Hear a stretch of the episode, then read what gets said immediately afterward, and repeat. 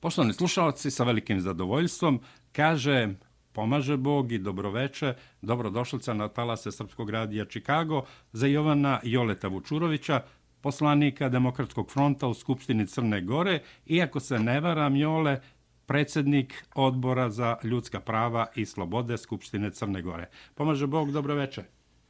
Bog vam pomogao i Bog pomogao svim vašim slušalcima i našoj braći i sestrama u Čikagu i širom Amerike i pozdravljam vas iz Podgorice, a tako je, jeste, ja sam između ostalog i predsjednik odbora za ljudska prava i slobode, mada teško napadam u posljednje vrijeme zbog nekih izjava i zbog odbrane tradicionalne Crne Gore i naših tradicionalnih vrijednosti, ali izdržat ćemo i to. Naravno, doće vreme da i to ovaj ponovo zaživi potpuno u Crnoj Gori. Dakle, haotična politička situacija u Crnoj Gori. Ja bih volao da rašistimo ili da a, rešimo dileme koje se odnose na bivšeg premijera Zdravka Krokapića i kritičke tonove koji dolaze iz Beograda, koji govore o nedovoljnom zalaganju pod navodnicima srpskih lidera u Crnoj Gori, odnosno Demokratskog fronta, da se situacija u vladajućoj većini u Crnoj Gori posle pobede na izborima menja u kori srpskog naroda u Crnoj Gori. Ja sam naime jutros na jednoj od e, televizija sa nacionalnom frekvencijom gledao, mislim da je čovek i slušao e, advokat Ristić, koji je upravo konstato ovo da su Srbi, odnosno lideri Srba u Crnoj Gori, nedovoljno žustri i, i, i, i aktivni u zaštiti ono što se zove pobeda na izborima 30. Eh, avgusta i da pod navodnicima, neću reći mešetare, ali eto, kritički tonovi. Pa molim vas za komentar kako je došlo do toga da Zdravko Kirokapić bude na čelu vaše liste. Pa eto što se tiče tih eh, kritičkih tonova, oni su srećom, ovako reklo bi se, dosta marginalni što se tiče kritičkih tako tonova je, iz tako je. Srbije. Dakle, to su očigledno, ja ne želim da kažem da je to zla namjera, očigledno ljudi koji ne, ne poznaju dovoljno situaciju, situaciju u Crnoj Gori. Naravno, kritički tonovi, nažalost, neki stižu što se tiče Srbije od ljudi, da ih nazovemo drugosrbijanaca. E, također, evo da ne pominjem, ali moram reći, imali smo jedno skandalozno izjavu skoro od gospodina Mlađana Đorđevića i od te ekipe, dakle, koja podržava Dragana Đilasa i, i tu postavu koja pokušava da se izbatrga na političku scenu e, Srbije i da osvoji nešto više od 15% koliko ih očigledno čeka na, na izborima. I upravo od te ekipe e, stižu, sad neću da karakterišem ovoga čovjeka kao takvog, ali upravo to pričaju ljudi koji pripadaju toj drugosrbijanskoj ekipi koja očigledno ne želi ništa dobro srpskom narodu, a posebno srpskom narodu u Crnoj Gori i demokratskom frontu kao i novoj srpskoj demokratiji kao legitimnom predstavniku srpskog naroda. Dakle, to što je gospodin Risić eh, rekao, to prosto nije tako, nije takva situacija na terenu. Mi smo eh, e, protekli godinu i po dana imali na sceni jednu vladu koja se predstavljala kao srpska, dio te vlade naravno i oni koji su je podržavali predstavljali su kao srpska, to prosto nije bilo tako. Evo ja ću uzeti jedan evo najprostiji primjer da nosilac te liste Zdravko Krivokapić je nekih 7-8 dana nakon izbora odmah napustio koaliciju koju je vodio, a koje je pripada i demokratski front, i negdje 8. septembra potpisao jedan fantomski sporazum sa Aleksom Bečićem i Dritanom Abazovićem, a gospodine Ravasi, e, ne znam, sjećate li svi toga sporazuma u kome između Kako da ne?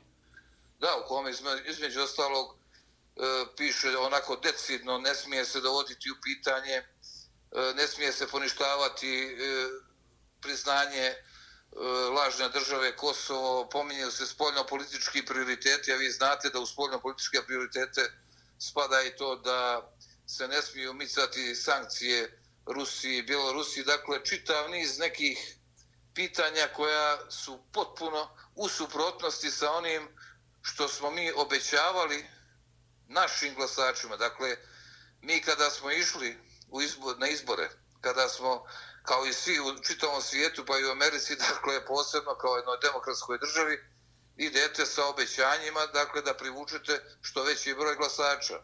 Naša koalicija za budućnost Crne Gore, koja pripada Demokratski front, proistekla je, naravno, između ostalog, i iz Litija, proistekla je, dakle, iz e, duše naroda, tradicionalnog naroda Crne Gore, koji se nadao da će dolaskom na vlast neke stvari koje su trajale decenijama od Crnoj Gori biti promijenjene. A decenijama u Crnoj Gori traje apartheid nad srpskim narodom. I jedini ko je upozoravao na to i ko se borio za srpski narod, to je bila nova srpska demokratija kao jedina srpska stranka u parlamentu Crne Gore i demokratski front.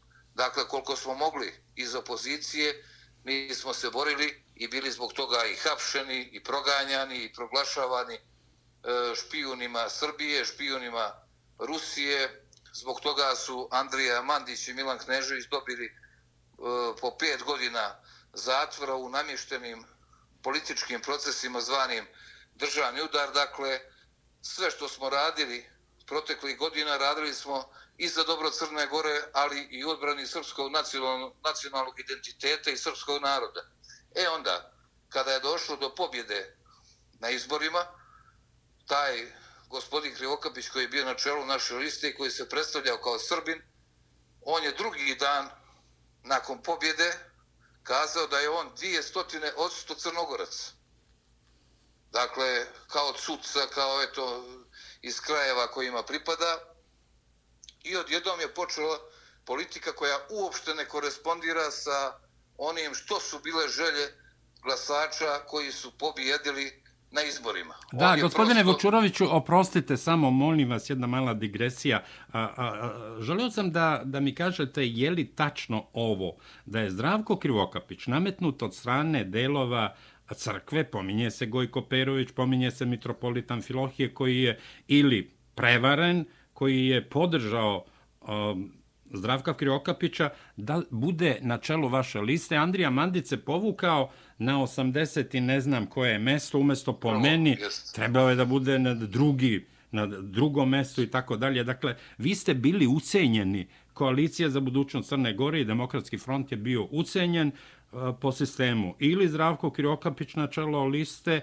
ili crkva, odnosno delovi crkve, neće podržati uh, a, koaliciju za budućnost Crne Gore.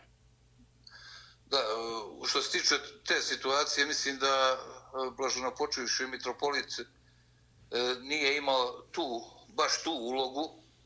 Ovaj, Ali govore o tome stalno i kriju se iza Blaženo počujušeg mitropolita. Da, da, da, da, ima mnogo ljudi koji se kriju iza Blaženo počujušeg mitropolita i više puta je govorio o tome, govorili su i Andrije i Milan i Neboje Šomedović, dakle da je prosto od dijelova, od dijelova crkve, od nekih ljudi, Zdravko Kriokapić nametnut kao nosilac liste, to je i to je istina, dakle to niko ne krije kao nosilac liste koalicije za budućnost Crne Gore.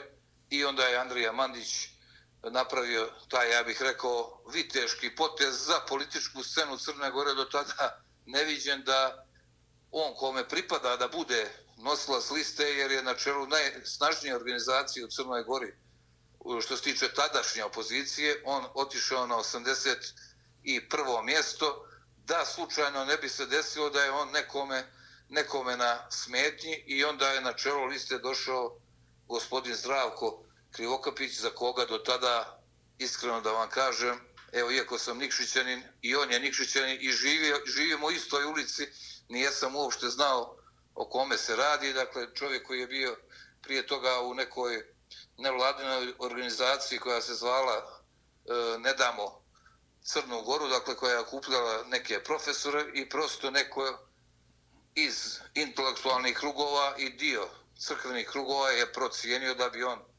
trebao da bude na čelu liste za budućnost Crne Gore. Eto, iako samo, je... a, a, a, Jole, iako da a, trebalo bi dodati, dakle, on je avanzovao na, ruč, na račun Demokratske partije socijalista, glasao je za njih na svim izborima i dobio, čini mi se, stan ili već na koji način je sve avanzovao sa a, blagoslovom Mila Đukanovića.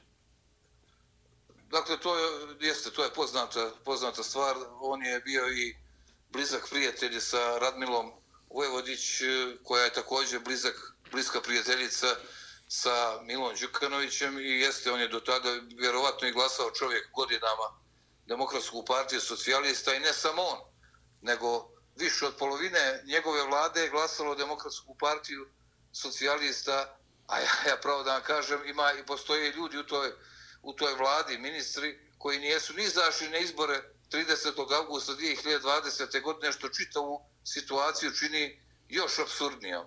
Dakle, to je nije zabilježeno što se tiče makar Evrope da u vladu ulaze ljudi koji ne izlaze na izbore. Dakle, kako su onda oni očekivali da ta vlada opstane, a ne predstavlja izbornu volju građana, meni to, meni to apsolutno nije jasno. Ali da se vratimo dakle, na, na izbor, sami predlog Zdravka Kriokopića, on je u kampanji, dakle, koju kojoj sam ja bio, bio sam lično šest medijske kampanje i vidjeli ste da smo rado primani i u crkve i u manastire po Crnoj Gori, da su to bili posjećeni skupovi, ali on posle toga, prosto posle pobjede, nije vodio politiku e, koalicije koju je predstavljao, već je vodio politiku građanskog pokreta URA, što meni potpuno je suludo i apsolutno mi nije ni dan danas jasno o čemu se radi, mogu samo eto da, da pretpostavljam, ali neću, eto čisto da sačuvam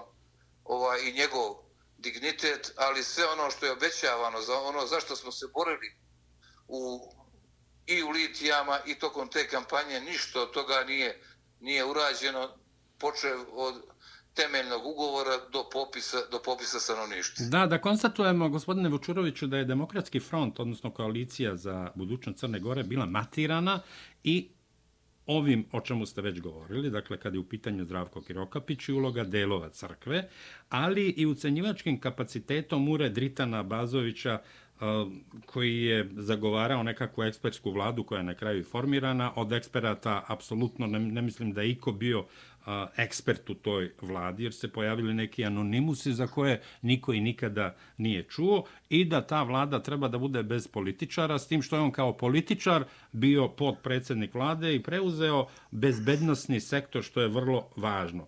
Dakle, njegov ucenjivački kapacitet je bio evidentan ili vlada kako je on zamislio ili vlade nema, odnosno ja odoh kod Mila Đukanovića.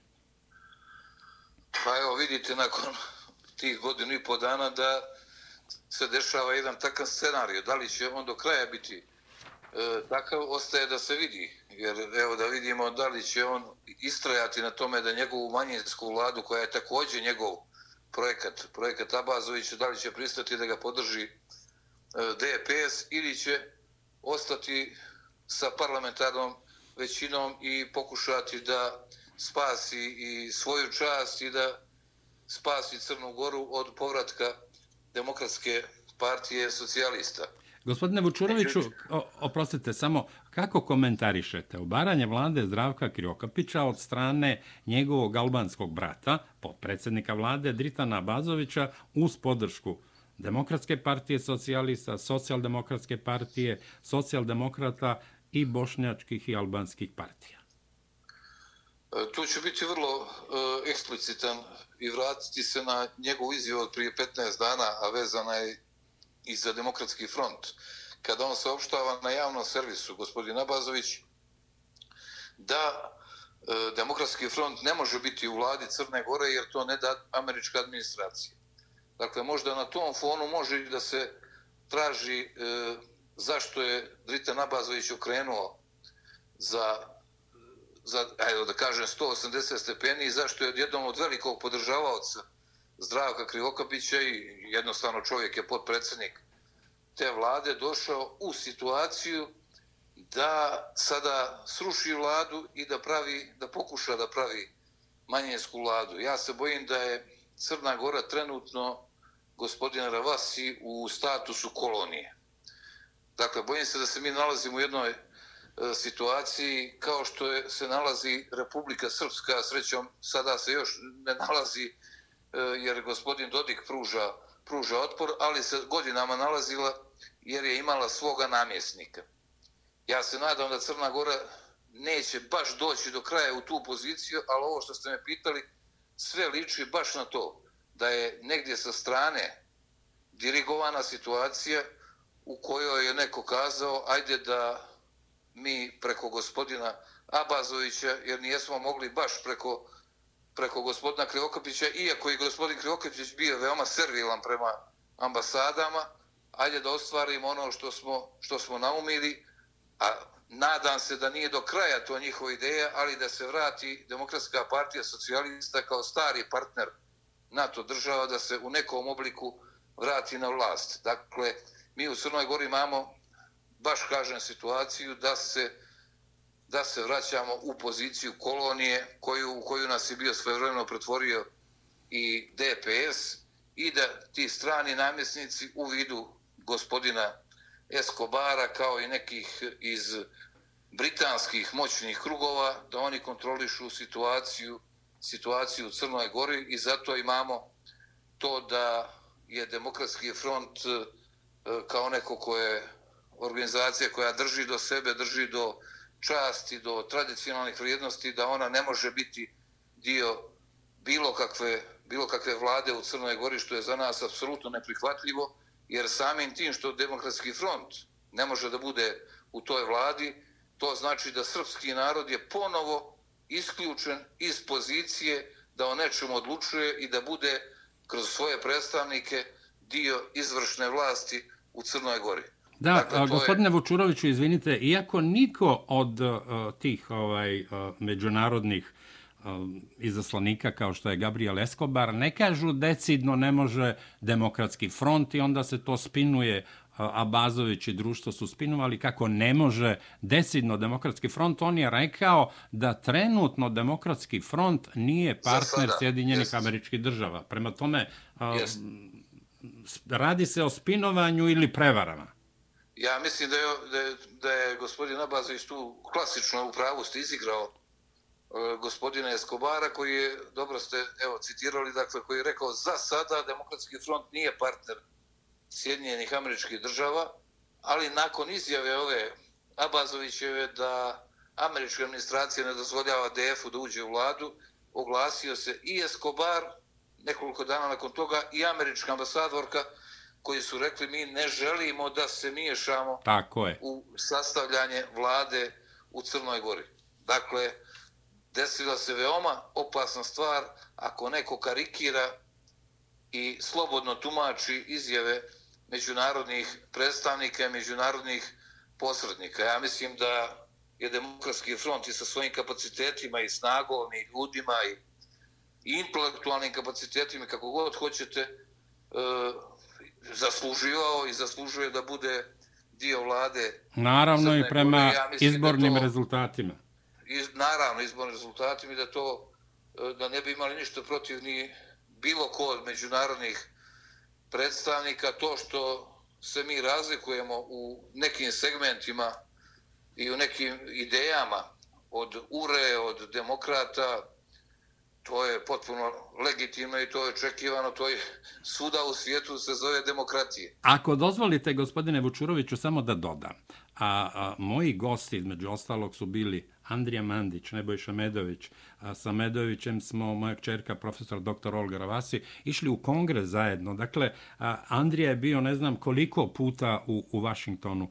Dakle, ne, nema a, razloga da se kaže kako je demokratski front, jer evo, čelnici su dolazili u Sjedinjene američke države, nema razloga da se kaže kako nisu partneri Sjedinjenih američkih država. Da, jesu, ali su partneri i, i, i Rusiji i svima onima koji su napredni u smislu i koji žele dobro Crnoj Gori iz međunarodne zajednice. Dakle, sve je spinovanje, jer koliko sam pratio i, i vaše izjave, E, samo da dodam... rekli krucijalnu stvar. Da, Potpuno samo da dodam i rekli. ovo, ni vi, ni niko iz Demokratskog fronta ni jednog momenta nije rekao da su Sjedinjene američke države neprijatelji Crne Gore i neprijatelji pod navodnicima Demokratskog fronta. Tako je. Rekli ste krucijalnu stvar, dakle, Demokratski front želi da sarađuje i sa istokom i sa zapadom. Tako je. Jer, jer drugačije, drugačije ne može ni da, eh, da opstane diplomatije. Ukoliko ne sarađujete sa svima, dakle, i vi ostvarujete na kraju krajeva, ako ćemo baš da svedemo na taj nivo, vi pre, preko ti, te saradnje ostvarujete investicije, ostvarujete, građani mogu i da se školuju u inostranstvu i sve drugo. Dakle, mi nijesmo organizacija neka, nekog zatvorenog tipa, neka zavjerenička grupa, kako su pokušali da nas predstave iz Demokratske partije socijalista, nego vrlo otvoreni ljudi i vrlo otvorena organizacija sa kontaktima, kažem, i na istoku i na zapadu. Tako, ja evo ja da će to- 25 godina vas poznajem i nijednog momenta i nikada nisam čuo ništa što bi bilo ružno kada su u pitanju Sjedinjene američke države ili evo, Tako i. Rusija i tako ja, dalje. ja bih još posebno dodao što se mene lično tiče, ja baštinim kao, kao ličnu kulturu što se tiče Sjedinjenih američkih država kao rocker. kao Da, čovjek koji, isto koji kao svirao ja. rock and roll Tako i je. bio u rock and roll grupama, tako da, eto, ako možemo i na taj nivo da, da prevedemo, jer prosto Demokratski front želi saradnju i sa istokom i sa zapadom i vjerujte mi da ćemo uskoro, kada u punom kapacitetu uđemo u vlast u Crnoj Gori, pokazati to na dijelu i pokazati da, za razliku od ove vlade koja odlazi, da ćemo mi uspjeti da dovedemo investitore u Crnu Goru, a to je, rekao bih, na kraju krajeva i najvažnije za ovaj narod koji je grca u siromaštvu decenijama. A, gospodine Vučuroviću, kratko bih voleo da prokomentarišete smenu Alekse Bečića sa pozicije predsjednika Skupštine Crne Gore, opet uz podršku 43 poslanika, URA, Demokratska partija socijalista, a, SDP, SD i Bošnjačke i Albanske partije. E, Moram da kažem da, da sam lično i ja i, i Demokratski front, da smo imali dosta sukoba sa demokratama i, i mnogo teških riječi smo mi razmijenili na političkoj Aleksa sceni. Bečić je predsjednik Demokratske da, Crne Gore. i sa Aleksom Bečićem i sa drugim ljudima iz demokrata, ali negdje u julu prošle godine mi smo ovako dogovorili se, sjeli i dogovorili se kao ljudi da nema svrhe da se, da se dalje napadamo. To je bilo vrijeme kada smo predlagali rekonstrukciju vlade Zraka Krivokapića, što je bilo možda i najbolje rješenje, ali URA to tada također nije, do, nije dozvolila i mogu da vam kažem i kao predsjednik odbora za ljudska prava, dakle neko koji je upućen da sarađuje sa predsjednikom Skupštine, da smo imali jednu dobru saradnju i da je gospodin Bečić e, e krajnje korektno vodio i parlament Crne Gore i ja mislim da je ta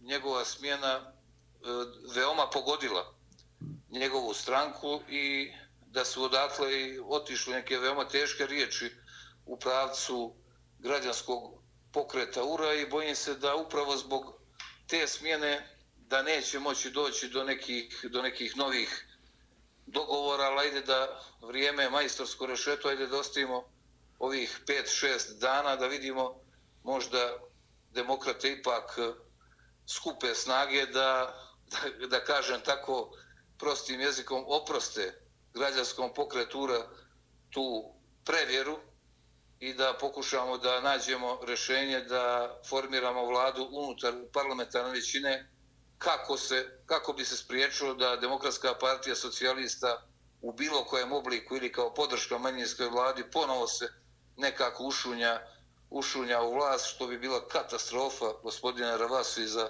za Crnu Goru. Dakle, gospodin Bečić je, e, eto kaže vam čovjek e, koji je vrlo korektno vodio tu skupštinu, eto imam potrebu i da ga pohvalim, kažem vam, kao predsjednik odbora za ljudska prava, iako smo razmijenili mnogo teških riječi u, u prošlosti i mislim da da je vrijeme da se i demokrate i DF okupe oko nekih važnih, važnih pitanja i da rješavamo sudbinu građana Crne Gore u bliskoj budućnosti. Gospodine Vučuroviću, Dritana Bazović, evo Dritana Bazović koji je po meni bezlična ličnost, dakle bez kapaciteta, a posebno izbornih jer ima tri poslanika, danas je izjavio da je spreman da se žrtvuje i da bude premijer manjinske vlade On kaže, nikada od nikakve odgovornosti bježao nisam. Svako ko bude vodio manjinsku vladu mora biti žrtva. Ako neko treba da se žrtvuje, ja sam tu.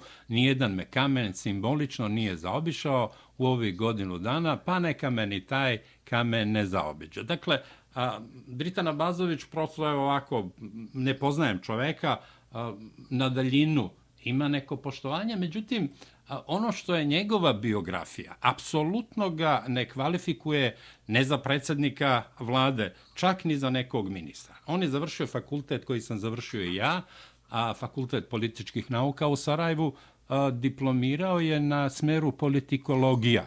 Vrlo uopšteno onako pitanje koji su to kadrove, ali nema veze. Završio je. On nikad nije radio u privredi. On apsolutno nema nikakve veze sa nečim što treba da bude premijer i predsjednik vlade koji mora da ima jednu širinu i poznavanje ekonomije, odnosno privrede i tako dalje i tako dalje. Evo on je bio i šef svih službi bezbednostni, nikakve veze nema ni sa policijom, ni sa AMB-om i tako dalje. Dakle, kako je moguće da čovek tih kapaciteta uzme sebi za pravo i kaže, evo, ja ću biti premijer iako je potpuno nekompetentan i po obrazovanju i po onome što je radio u, u životu. Evo, gospodine Rovasi, vi i ja smo Srbi i Tako imamo je. jednu izreku uh, mnogo je mačku goveđa glava. to je ovako da, da, da.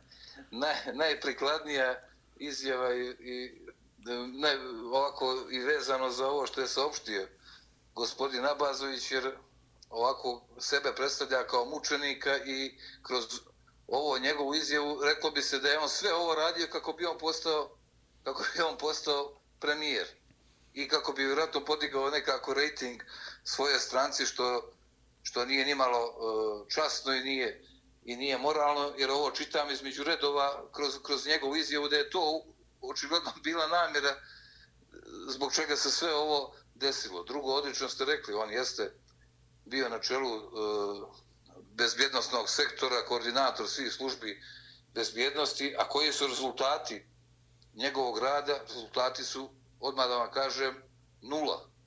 Neko bi rekao da je bio spriječen time što nije, što nije bilo promjena u tužilaštvu i tako dalje, tako dalje, ali to prosto nije istina. Vi ste imali ovdje da je padalo na tone nekog kokaina u, i da su pronaložene kokaini u bananama i ostalo, ali to nije rezultat rada gospodina Abazovića i policije Crne Gore, već to se dešavalo većinom ili slučajno, ili su to dojavljivale partnerske službe bezbjednosti ili američka služba bezbjednosti. A koliko dakle, je tek tona prošlo? A prošlo je po priznanju čuvenog Milivoja Katnića, koji još uvijek nije smijenjen, gospodina Ravasi, da. Ovaj, više od tri tone. Dakle, u jednom vrlo kratkom, vrlo kratkom periodu. Dakle, gospodin Abazović je pokrivao bezbjednostni sektor bez ikakvog znanja o tom veoma važnom i teškom poslu. Dakle, ako ima države koja se borila protiv kriminala, dakle, to je Amerika. I vi znate ko su ljudi koji su bili u vrhu i CIA i FBI-a i svih tih službi, da su to dakle, osobe koje su i trenirane i učene i Tako školovane je. za najteže, za najteže poslove, ali naš čuveni Elliot Ness, gospodin, gospodin Abazović, on je završio, kao što rekao ste, politikologiju u Sarajevu i bez ikakvih problema on preuzima da vozi avion, iako ne zna da ga vozi, dakle da preuzima, preuzima bezbjednostni sektor, a ono što sam mu ja kazao u Skupštini, to je, mislim, bila u jednom trenutku i suština.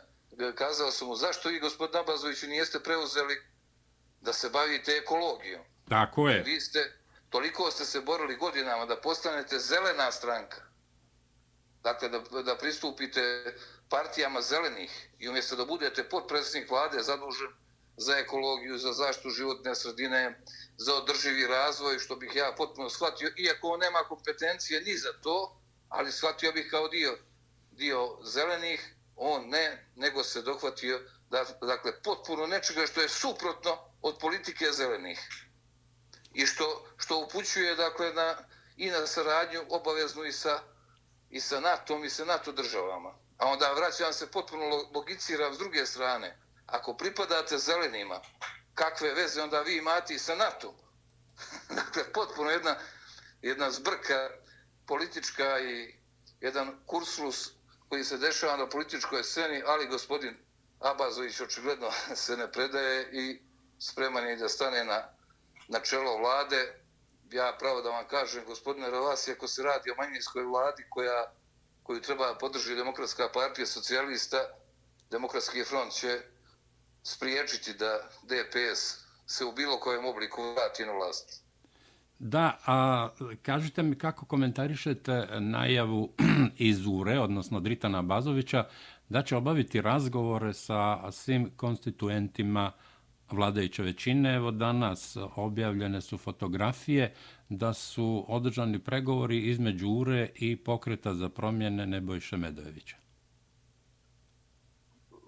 Pa oni su krenuli dakle, taj krug, mada ja sam vidio da se radi o nekoj slici. Iz neke kafane, nekoj, da. Pa ne znam da li su to bili zvanični dogovori ili su se sreli na nekom piću e, Branko, Branka Bošnjak i Branko Radlović sa Konatarom i sa Abazovićem. Ali ovaj, on, dobro, znači ako su, ako su se oni dozvali pamet, pa su riješili da naprave ipak dogovor unutar parlamentarne većine, onda to može i da se u neku ruku pozdravi. Naprimjer, gospodin Mandić je u posljednjih deset dana također obavi razgovor sa predstavnicima svih e, lidera stranaka parlamentarne većine u pokušaju dakle, da, da sve vratimo, ja bih rekao, na period od 31. augusta, odmah nakon izbora, da vidimo da li je moguće da mi napravimo vladu od onih koji su pobijedili na izborima i da u tu vladu budu uključeni predstavnici nacionalnih manjina. Ako je to ideja e, Drita Nabazovića, onda su, ja vjerujem, svi spremni da se dogovore oko toga i da se dogovore ko će biti premijer. Jeste li spremni da podržite Abazovića za premijera? Pa pravo da vam kažem, ja mislim da je e, najbolje rješenje za premijera i za predsjednika vlade Crne Gore i prema izbornim rezultatima da je to Andrija Matić. Slažem se. Ne bih uopšte ni pominjao Drita Nabazovića u tom kontekstu kada pomenem ime, kada pomenem ime i lično s Andrija Mandić. Slažem se potpuno sa vama, iako je, čini mi se, i Andrija da je govorio o Miodragu Lekiću kao jednom od rešenja za premijera Crne Gore. Da, evo, Andrija, kad čuje ovaj intervju, on će vjerovatno reći, ovaj, dobro, vjero, meni neće ovaj, vjerovatno dati i tako ja neću da budem to i tako dalje, ovaj, ali sam morao da kažem prosto i ispoštovanja prema našem zajedničkom prijatelju, jer je on zaslužio svojom borbom, znanjem, iskustvom i kapacitetima da bude... I svojim obrazovanjem i iskustvom, premijer, što kažete. Premijer Crne Gore jeste, a što se tiče gospodina Lekića, on je pokazao postupno posljednjih mjeseci e, njegovo iskustvo je došlo do izražaja i posebno u odnosu na ovu odlazeću ekspertsku vladu i u odnosu na ponašanje zdravka Krivokapića kada je gospodin Lekić vrlo ovako precizno onako kako iako je on ovako diplomat, ali tu je bio vrlo precizan e, u odnosu na ličnost i dijelo Zdravka Krivokapića i davao je vrlo precizne izjave u pracu kritike prema toj, prema toj vladi. Dakle, gospodin Lekić jeste jedna e, ličnost od integriteta i od ugleda i koja može da, da još mnogo toga da Crnoj Gori. Gospodine Vučuroviću, pre nego krenemo na, na segment protesta koji su najavljeni sad za sredu, vi ste izjavili da će Demokratski front izaći na proteste ne ove, nego ako se ne bude ispoštovala a, izborna volja. Ali bih voleo da prokomentarišete a, činjenicu da je velika količina cigareta nestala ili ukradena i odvezena kamionima iz jednog skladišta u slobodnoj zoni Luke Bar utvrdili su nadležni iz uprave prihoda i carina. O čemu se radi? Ko može da uđe u Luku Bar da s kamionima i odnese cigarete e, po sistemu i onoga što se dešavalo i sa bananama i, i a, kokainom? Moram reći, gospodine Rovasi, da ste veoma dobro informisani i da postavljate izvanredna pitanja. Ja sam, stalno, ja sam inače isto novinar i stalno sam stalno sarađujem s novinarima, ali ovo je već ovaj, u domenu e, novinarske nauke, ovo vaše pitanje. Hvala vam. Ovaj, pa, tu se nameće prosto jedan jednostavan odgovor. 30. augusta kada smo pobjedili, rekli smo, prvo što slijedi jeste demontaža e, zločinačkog režima Milo Đukanovića. Da li je bilo te demontaže? Nije je bilo. I zato ne smijemo da se čudimo e, sve ovo što se događa vezano je za Luku Bar, i za šver cigara, i za banane, i za kokain. To je sve ono što se radilo u vrijeme vladavine Demokratske partije socijalista i to su sve radile ekipe povezane sa Milom Đukanovićem koji gospodin Ravasi i jeste šef mafije u Crnoj Gori, a i šire. Dakle, sama činjenica da nije došlo do demontaže toga njegovog režima, da nije došlo do smjena u tužiločkom sektoru, u sudstvu, a boga mi i policija nije dovoljno pročišćena jer i dalje ima kadrova Milo Đukanovića, sve to je uslovilo da se taj posao koji je razrađen prije nekih 25 godina i dalje nesmetano odvija i dalje je Luka Bar ta zona u kojoj se odvija najveći šverc cigareta. Dakle, to je apsolutno povezano samo sa činjenicom da u Crnoj Gori nije došlo do demontaže, a bojim se da su strukture iz ove aktuelne vlade, neke strukture, vidjet ćemo koje pokazat će vrijeme, nadam se istražni organi, da su povezani, da su se uključile, da su uključile u taj posao. Dakle, to je, to je ovaj obaveza buduće vlasti neke normalne, demokratske, sa razvijenim institucijama da istraže ko je iz ove vlade pružio ruku švercarsku i ko je pružio pomoć da se sa švercom cigara i droge nastavi u Crnoj Gori i nakon pada Đukanovićevog režima. Dakle, Đukanović nije pao sa vlasti, a ovo vam je jasan dokaz. Gospodine Vučuroviću, predsjednik pokreta za promjene, naš zajednički prijatelj Nebojša Medović, jedan od lidera Demokratskog fronta, saopštio je da je on juče najavio akciju Zdravka Kirokapića i Abazovića kada je u pitanju nestanak cigareta iz Luke Bar i rekao iza šverca cigareta stoje Zdravko Kirokapić i Dritan Abazović. I dodao Treba obezbediti finansiranje kampanje a, za Evropa sad koji su najavili ministri Spajić i Milatović. A, izgleda da, da imamo mali problem sa vezom. Evo, a, razgovaramo sa Jovanom Vučurevićem. Dakle, pitanje je na temu... Alo? Imali smo mali prekid, ne znam da li ste me čuli, a, gospodine Vučuroviću. Jesam, čuo sam, čuo sam. Da, dakle, a, najavio je Nebojša Medović a, a, akciju nestanka cigareta, saopštio da iza šverca cigareta stoje Zdravko Kirokapić i Dritana Bazović i da treba obezbediti finansiranje kampanje za novu partiju Evropa Sad, koju će formirati Milojko Spajić i ministar Milatović i za podnavodnicima Evropsku vladu. Roba, kako kaže Medović, je otišla preko albanske mafije, a Dritana Bazović bi morao da zna detalje šver cigareta i kokaina juče je izveden uz asistenciju policije, carine, vatrogasaca i prve pomoće. Dakle, neverovatno da nestane tolika količina cigareta, a verovatno i to kokaina koji, koji je bio negde na kraju magacina ovaj, uskladišten.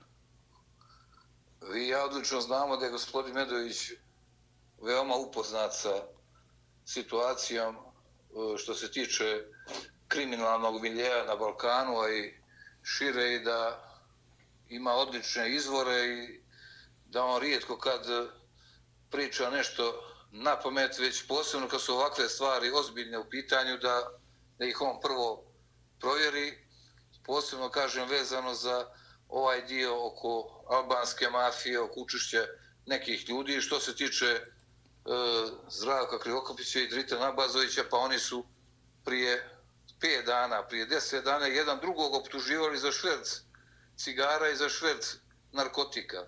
Ali o, to je, vraćamo se na onu priču da u Crnoj Gori ne postoje institucije i ne postoje istražni organi koji bi to provjerili. Znači, najveći problem Crne Gore je što ne postoje institucije i ništa se nije radilo. Očigledno, ako ovo imamo u vidu, vrlo smišljeno se nije radilo na tome da institucije zažive. I zato, gospodine Ravasi, mi danas možemo slobodno da tutnji po Crnoj Gori tone i tone kokaina, tone i tone cigara i bez akciza, nelegalnih potpuno roba i oružja, odmah da, da, da se razumijemo i oružje, šverc se odvija u Crnoj Gori, ali ne postoje institucije koje bi se bavile koje bi se bavile tim stvarima i zato je između ostalog smetnja demokratski front koji bi, kao što smo i više puta naglasili, da smo bili u prilici da odlučujemo od 30. augusta za nekih dva mjeseca riješio sva ta pitanja koliko god to bilo koga od nas koštalo. Gospodine Vučuroviću, i za kraj protesti. Naime, demokrate pozivaju na sutrašnji protest ispred hrama Vaskrsenja Hristovog, ne znam zašto ispred hrama, kakve veze imaju protesti sa crkvom, a vi ste saopštili a, da ste spremni za proteste i da nećete dozvoliti povrak, povratak Demokratske partije socijalista na vlast. Jel učestvujete u sutrašnjim protestima ili govorite o nekim budućim koje će organizovati Demokratski front? E, ovo što odmah da razjasnimo što se tiče e, zakazivanja protesta ispred hrama, oglasio se sveštenik e, otac Nikola Pejević i kazao je da crkva nema veze sa ovim protestima i da ne znam zašto bi oni bili zakazivani ispred hrama. Ja mislim e, da sam negdje vidio informaciju da su demokrate pomjerile e, skup negdje na bulevar, dakle da neće biti ispred hrama Hristovog vaskrsenja. A što se tiče e, toga skupa, ja vidim taj skup koji svaki protest je opravdan, vidim taj skupi kao izraz e, i njihove srđbe i opravdane zbog smjene e, Alekse Bečića, ali ja mislim da moramo da se izdignemo iz partijskih nekih e, naših formata i kad, bude, kad se bude organizovao sljedeći skup, da ga organizujemo samo pod jednim sloganom, ja sad ne mogu da izvedem koji je to, ali prosto da on u sebi sadrži da branimo izbornu volju naroda od 30. augusta koja je ozbiljno ugrožena. Dakle, u trenutku ili ako se desi da URA prihvati podršku Demokratske partije socijalista, da je DPS da podršku za manjinsku vladu, dakle, onda kreću protesti i Demokratskog fronta, koji će biti vrlo osmišljeni, ozbiljni, dobro organizovani kao što smo uvijek mi pravili na stotine protesta i svih dakle, partija i organizacija, nadam se i demokrata, ubijeđen sam u to, da odbranimo izbornu volju i da ne dozvolimo, jer demokratski front neće dozvoliti da se DPS ikada više vrati na vlast, DPS koji je ekonomski i moralno uništavao Crnu Goru. Dakle, izbori moraju biti dobro osmišljeni, dobro organizovani, ne smiju biti onako ad hoc, jer to može da utiče i na, na građane da, da ne dođu, da se rasipa energije, već to mora biti dakle, krajnje ozbiljno i demokratski front će dati svoj puni doprinos što se tiče e, organizacije tih protesta, ako za njih, za njima bude potrebe, a što se tiče sutrašnjih protesta demokrata, e, tu će biti prisutni određeni funkcioneri demokratskog fronta. A, gospodine Vučuroviću, i za kraja ne, naravno, manje važno. A, mitropolit Joannikije, mitropolit a, mitropolije Crnogorsko-Primorske i episkop je parhija na teritoriji Crne Gore, to je nekako prošlo ispod radara nedovoljno primećeno saopštili su da nikakva manjinska vlada po njima nije rešenje za Crnu Goru i da se rešenje treba tražiti u okviru vladajuće većine, jer naravno crkva e, nije samo o, o, o, duhovna institucija. Ona mora da brine o narodu, ona mora da brine o svemu onome što je i država, ali da se ne, maš, ne miša u državne poslove, ali da kaže kako ona vidi budućnost i svog naroda i inače naroda u Crnoj Gori, mislim da je to sasvim legitimno. Pa molim vas za komentar. E, jeste, to je bilo saopštenje, dakle, četiri e, eparhije, u stvari mitropolije Crnogorsko-Primorske, eparhije Mileševske, Zakupsko, e, Hercegovačke i Budimljansko-Nikšićke i dakle vidjeli ste kroz to saopštenje da se onako da naši episkopi izražavaju e, zabrinuto za situaciju u Crnoj Gori i ta poruka vezana za manjinsku vladu je također važna, kao što je meni važan dio ona iz te poruke i nama je važan, da treba razmišljati o tome da parlamentarna većina, oni koji su pobjedili na izborima, formiraju neku novu vladu. Dakle, to je također poruka usmjerena prema svima nama koji smo pobjedili 30.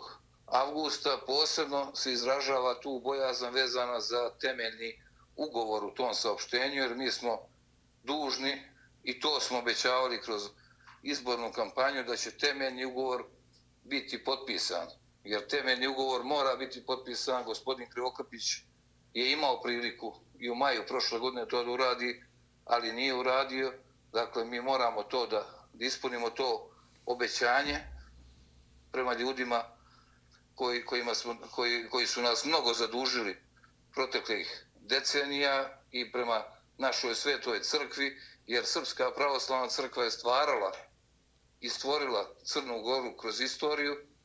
Naši najveći umovi su bili e, e, vladike, tako da Crna Gora posebno ima obavezu prema tome da se potpiše temeljni ugovor i da naša crkva najzad ima e, sklopljen taj dokument i potpisan dokument sa, sa državom Crnom Gorom i da to pitanje jednom riješimo, a ne da se ono ponovo otvara u situaciji kako ko dođe na vlast, jer crkva nikada više ne smije biti napadnuta, crkva nikada više ne smije doći u poziciju da bude progonjena, jer dosta je i komunizma, dosta je i demokratske partije socijalista, dakle kao u svakoj demokratskoj državi crkva mora biti zaštićena i posebno Srpska pravoslavna crkva u Crnoj Gori koja ima najveći ugled i integritet. A gospodine Vučurović, evo i kad pomislim da je kraj našeg današnjeg razgovora, vesti stižu jedne druge. Naime, demokrate Alekse Bečića, ovo je naslov iz, jednih, iz jedne od ne novine, nego portala, jednog portala, izvinjavam se, srećan put Pajovići, hoćete li kandidovati Jokovića za predsjednika Skupštine, koga će birati Demokratska partija socijalista. Radi se o Jokoviću, predsjedniku Socijalističke narodne partije, koji inače bio, koja je bila deo vaše koalicije za budućnost Crne Gore. Evo, novi da. sukobi. Pa, to, su, to je ta teška retorika koju sam vam pričao, koji je trebalo, čini mi se, malo spustiti na neki nivo prihvatljivi da bi mi mogli da razgovaramo, ovako svak se uhvati za neke teške riječi i onda je vrlo teško doći do, do rešenja. E, ovdje očigledno demokrate nastavljaju se napadom na, na uru, nazivajući ih naravno Pajevićima, pošto je Darko Pajević personifikacija izdaje i političke korupcije u Crnoj Gori, a evo vidimo da u sve to je su umiješali i Vladimira Jokovića, lidera, lidera e, SMP-a. E, pravo da vam kažem, evo ja danas sam to rekao na jednoj televiziji, ja se nadam da URA i SMP neće ponijeti taj žig izdaje, jer sve stranke koje su bile u zagrljaju DPS-a nestajale su sa političke scene, sjetimo se narodne stranke, sjetimo se Novaka Kilibarde, Šoća, Drecuna i ostalih, koji su otišli korak dalje u izdaji, pa ako se sjetite NATO agresije na Saveznu Republiku Jugoslaviju, oni su tada e, prednjačili u napadima na vojsku Jugoslavije, gasili su, pokušavali su da gase struju, da gase vodu u vojsci, dakle, upravo oni kao predstavnici Srba su prednjačili u izdaji. E ja se nadam, posle toga smo imali naravno pozitivnu Crnu Goru koja se zagrlila s DPS-om i nestala, e ja se nadam sada da su URA i SMP valjda izvukli pouke iz toga i valjda znaju da bi ih zagrljaj sa DPS-om koštao uopšte opstanka na političkoj sceni.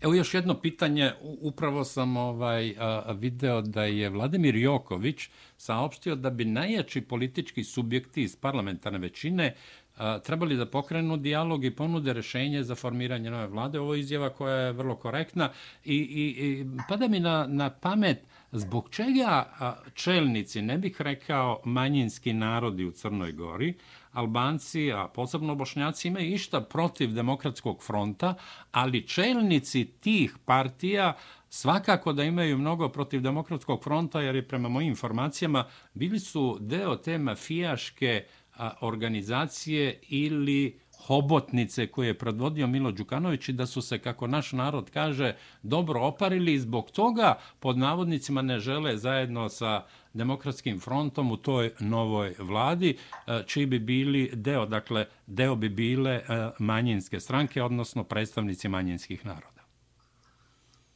Da, e, to je vrlo korektna prvo izjava gospodina Jokovića i gospodin Andrija Mandić je već pokrenuo seriju tih razgovora.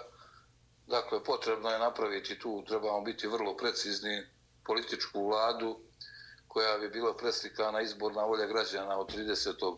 avgusta, jer zašto bi mi nakon ovoga eksperimenta sa ekspertskom vladom pravili neke nove e, projekte koji bi nas odvukli ko zna gdje. Dakle, imali smo to negativno iskustvo i ajde da se vratimo temeljima demokratije da se vlade prave na osnovu izbornih rezultata. I tu je gospodin Joković e, potpuno u pravu, dakle, vladu praviti unutar parlamentarne većine, što se tiče e, stranaka nacionalnih manjina, pa tu ima raznih e, raznih i političara i političkih subjekata i potpuno ste u pravu, to su stranke koje su godinama koalirale sa Milan Đukanovićem koje su, čiji su neki od čelnika i dobro naplatili to koaliranje i e, najbolje bi bilo, mislim, u ovom trenutku da makar ne drže pridike demokratskom frontu i drugima iz parlamentarne većine da ne izigravaju moralne veličine i, jer mi odlično znamo dakle i to što su oni radili i pamtimo dobro godine kada su bili sa demokratskom partijom socijalista, naša ruka je pružena prema predstavnicima nacionalnih manjina, ali mi smatramo da oni moraju da budu eto dio, dio te vlade, ali eto čisto da oni makar smanje retoriku i moralisanje u odnosu na demokratski front, čisto je da ne kažem bilo kakvu težu riječ u odnosu, u odnosu na njih, ali moramo reći, i tu ste potpuno pravu, da su da je dobar dio njih učestvovao u koruptivnim radnjama kao i Demokratska partija socijalista. Gospodine Vučuroviću, hvala vam što ste odvojili vaše vreme i govorili za Srpski radio Čikago. Hvala vama, gospodine Rovas, i uvijek je zadovoljstvo s vama razgovarati. Još jednom želim da pozdravim i vi da prenesete pozdrave i od mene lično, od gospodina Mandića, od Nove Srpske demokratije, Demokratskog fronta, svi našim ljudima, našoj braći i sestrama u Čikagu i svima dakle koje sretnete i koje vidite. Hvala vam od srca, poštovani slušalci i naši pratioci YouTube kanala. Naš gost bio je danas gospodin Jovan Jole Vučurović, poslanik Demokratskog fronta u Skupštini Crne Gore i predsjednik odbora za ljudska prava i slobode Skupštine Crne Gore.